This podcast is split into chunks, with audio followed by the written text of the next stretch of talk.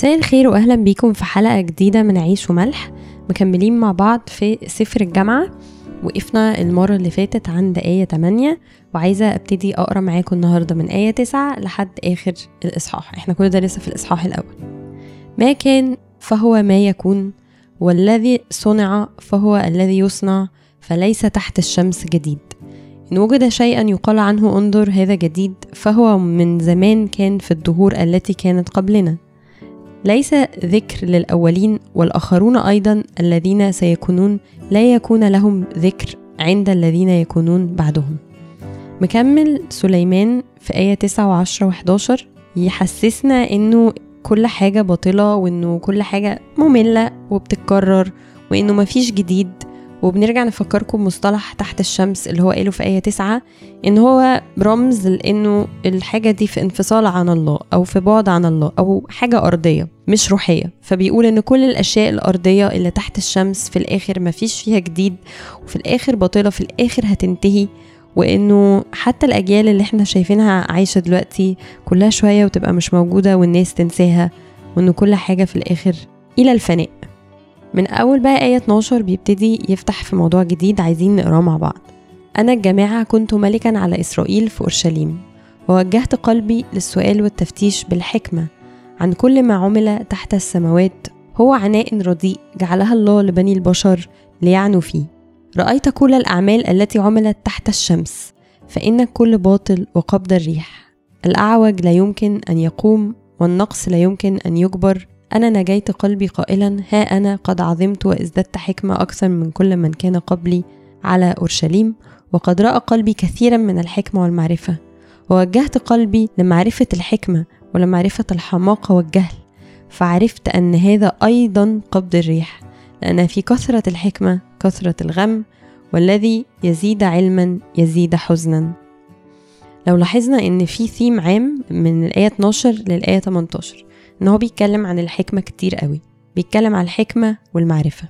وبيتكلم إزاي هو استخدم الحكمة اللي هو طلبها من ربنا دي علشان يسأل ويفتش على حاجات كتير قوي بتحصل تحت السماوات أو تحت الشمس ولقى إن هي كلها عناء رديء جعلها الله لبني البشر ليعنوا فيها. طبعا هو مش قصده إن ربنا هو سبب العناء لأن إحنا كلنا عارفين المقصود إنه هو قصده إن ده بسماح من الله لأنه زي ما قلنا في الآيات اللي قبل كده لما بولس قال إن ربنا حكم بالبطلان على الخليقة كنتيجة لخطية آدم وحواء علشان برضو في الآخر يبقى في رجاء الخلاص يعني هو ما سابناش كده وخلاص. هو الحكم بالبطلان ده حصل نتيجة للخطية بس في الآخر في الخلاص. وكمان بيقول إنه يعني كان عظيم قوي وازداد في الحكمة أكتر من كل اللي قبله في أورشليم لأن زي ما إحنا عارفين سليمان الحكيم طلب الحكمة من ربنا وربنا اداها له. فهو شاف كل حاجة ودي قمة الحكمة اللي كانت عطية ليه من الله. بس بعد ما شاف وعرف كل ده بيقول إيه بقى؟ الآية 18 دي اللي أنا حابة أقف عندها النهاردة. لأن في كثرة الحكمة كثرة الغم والذي يزيد علما يزيد حزنا. حاسة إنه لما قريت الآية دي يعني اي كان ريليت قوي حسيتها قريبة ليا قوي وأكيد ممكن لما بنسمعها كلنا بنحس بقربها لينا. ويمكن بيخلينا الموضوع ده نسأل سؤال طب أمال إيه المطلوب؟ يعني ما هو طبيعي إنه نطلب الحكمة بالعكس الحكمة دي المفروض إن هي حاجة مهمة. العالم بيقول لنا ما ينفعش نبقى عن جهل وبنتريق على الناس الجهلة ومفروض إن إحنا نعرف أكتر ونفتح الأخبار ونعرف أخبار الدنيا ونفهم وبنشجع إن الناس تبقى كتاب وعلماء ودكاترة وكده. يعني بالعكس يعني دي حاجات كلها مفروض إنها كويسة. طيب ليه لما بنسمع آية زي دي؟ لأن في كثرة الحكمة كثرة الغم بنحس إنها حاجة قريبة بنحس إنها حاجة حقيقية. إرنست هامينجواي قال quote قريبة قوي للآية دي. بيقول السعادة عند الأشخاص الأذكياء هي أندر الأشياء التي أعرفها. وإرنست هامينجواي في الآخر قتل نفسه انتحر يعني. ومتهيألي إن دي حاجة بنشوفها كتير حوالينا إنه ناس تبقى عندها علم ومتبحرة بس مش قادرة تلاقي السعادة. وإنه أوقات كتير بيكون العلم الكتير والمعرفة الكتير دي سبب من أسباب النكد بتاعت الناس دي أو الغم زي ما سليمان بيقول. طب هل الموضوع ده حقيقي؟ هل فعلا الحكمة والمعرفة هو مصدر التعاسة؟ هو صح وغلط. في جزء مظبوط وفي جزء مش مظبوط. تعالوا نتكلم مع بعض كده شوية ليه ممكن ده يبقى صح؟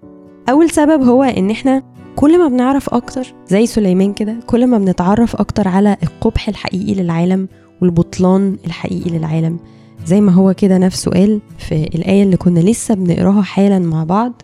آية 13 ووجهت قلبي للسؤال والتفتيش بالحكمة عن كل ما عمل تحت السماوات هو عناء رديء يعني كل حاجة تحت الأرض دي عناء رديء واتكلم في كل الآيات اللي فاتت واللي هتيجي عن فكرة البطلان وإنه كله قبض الريح. فكتر المعرفة وإن إحنا نكتشف الأرض اللي حوالينا بيورينا قبح بيورينا بطلان بيورينا شر أوقات بيكون متعب جدا لينا. في فيلسوف مشهور اسمه إيميل شوران أو يعني أتمنى إن اسمه يبقى بيتنطق كده عشان بس هو رومانيان فالاسم ممكن يبقى صعب شوية. قال وبما إن الحياة كلها عبث أو فيوتايل أو باطلة فإن قرار الوجود يجب أن يكون الأكثر لا عقلانية على الإطلاق. يعني وصل لمرحلة هو كان بيكتب بقى في الفلسفة وبيتكلم كتير قوي في العدمية فوصل من أبحاثه المعرفة اللي هو عرفها إن هو يوصل إنه الوجود نفسه في حد ذاته قرار لا عقلاني وملوش أي لازمة فهو مش عايز يكون موجود أصلا. وده اللي بيحصل لما بنتبحر في العلم اللي هو تحت الشمس زي ما سليمان دايما بيفكرنا إن كل ده تحت الشمس. لما بنتبحر في العلم والمعرفة تحت الشمس إن إحنا بنعرف أكتر على القبح والبطلان بتوع الأرض.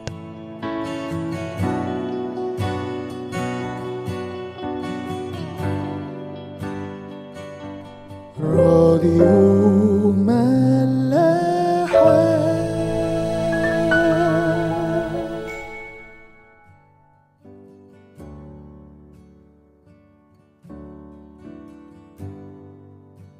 سبب تاني من أسباب التعاسة في الحكمة أو المعرفة هو إن إحنا كل ما بنعرف أكتر بنعرف أكتر إن إحنا ما نعرفش حاجة. فكل ما بنمشي ونفتكر إن إحنا وصلنا بنلاقي إن إحنا لسه في أبعد بكتير إحنا ما نعرفوش. وده لأننا بنحاول نعرف إحنا بمخنا المحدود عن العالم اللي هو غير محدود لأن هو مخلوق بالغير محدود اللي هو الله. الله هو خالق الكون. وإحنا لو بندور إن إحنا نعرف كل تفاصيله ونفهم كل اللي حوالينا فدي حاجة إحنا بنحاول نعمل مهمة مستحيلة لأنه الله غير محدود. بولس نفسه اللي كلنا بنحب نقرأ له ونتعلم منه ونفهم منه وبنشوف إن هو كان يعني أنا بشوفه بالنسبة لي مثل أعلى قال على نفسه كده في كورنثوس الأولى الإصحاح 13 آية 9 لأننا نعلم بعض العلم ونتنبأ بعض التنبؤ. هو كان عارف الحقيقة دي عارف إنه في الآخر كل المعلومات اللي عنده دي قاصرة وإنه ربنا هو اللي عنده كل شيء. فده أكيد كان بيديله سلام لما كل شوية يعرف حاجة ويحس إيه ده ده أنا مش فاهم حاجة أو كل شوية تتكشف قدامه حاجة ويقول يا لهوي ده أنا طلعت كل اللي أنا فاكر إن أنا أعرفه ده لسه في حاجات كتير قوي أنا مش فاهمها.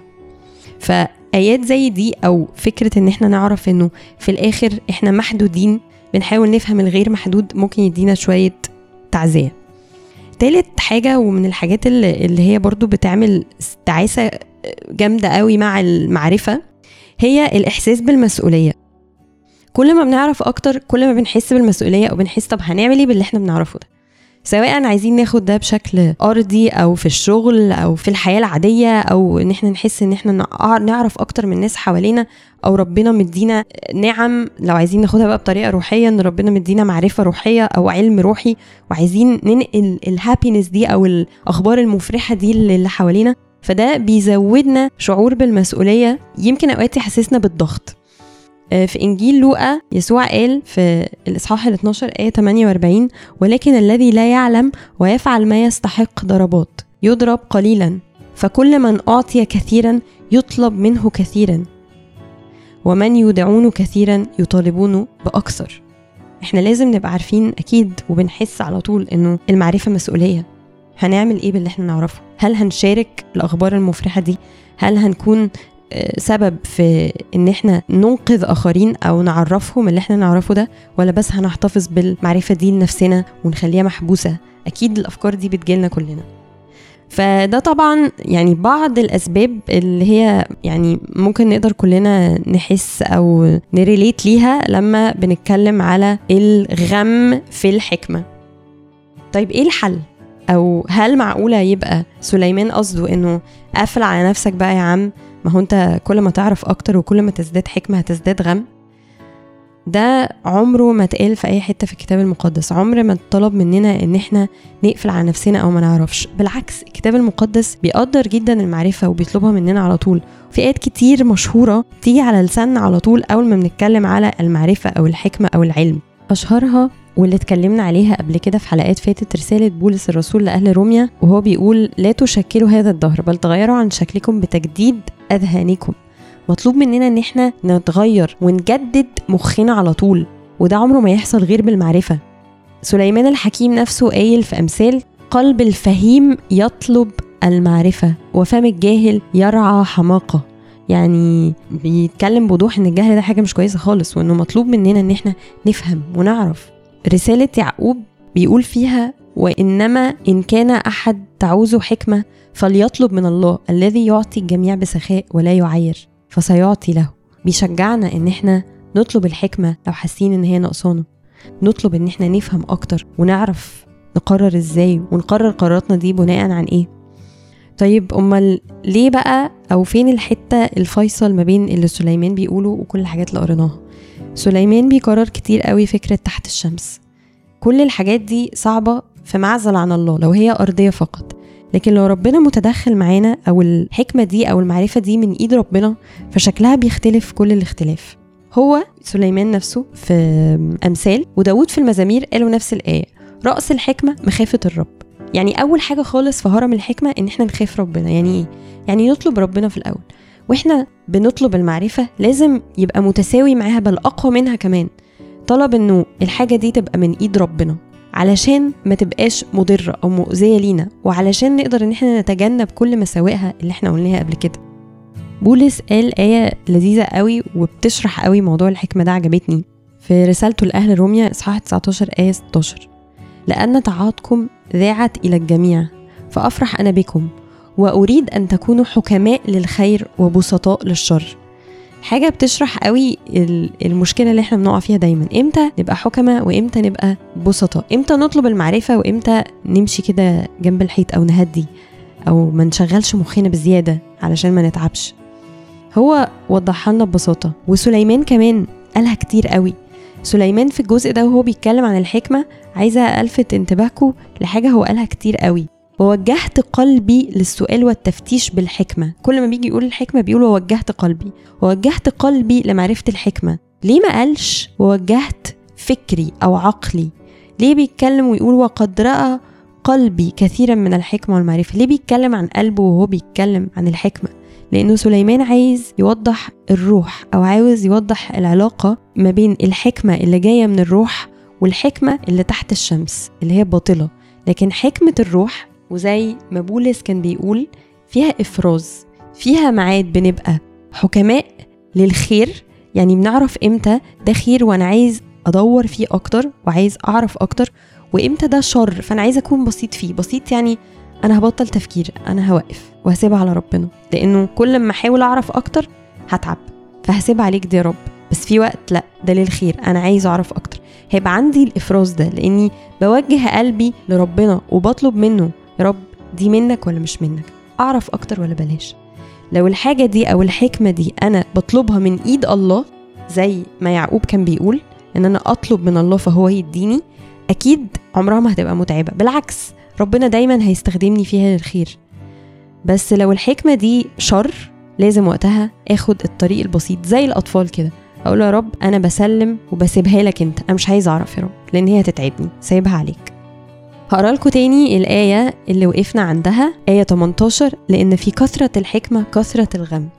والذي يزيد علما يزيد حزنا.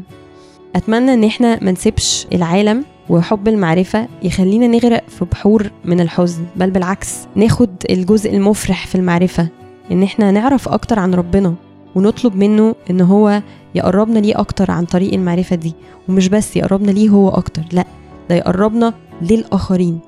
قد إيه بتبقى حاجة حلوة إنك تشوف شخص مسيحي يعرف ربنا كويس ويعرف كمان الأرض اللي حواليه كويس ويعرف عن العالم مش واحد بيتكلم عن جهل أو عن عدم معرفة لأ ده عارف كل حاجة وبالرغم من ده إيمانه قوي عايش في سلام وقادر إن هو يحس بمحبة ربنا حواليه في كل حتة. أشوفكم الحلقة الجاية ونكمل مع بعض الجامعة.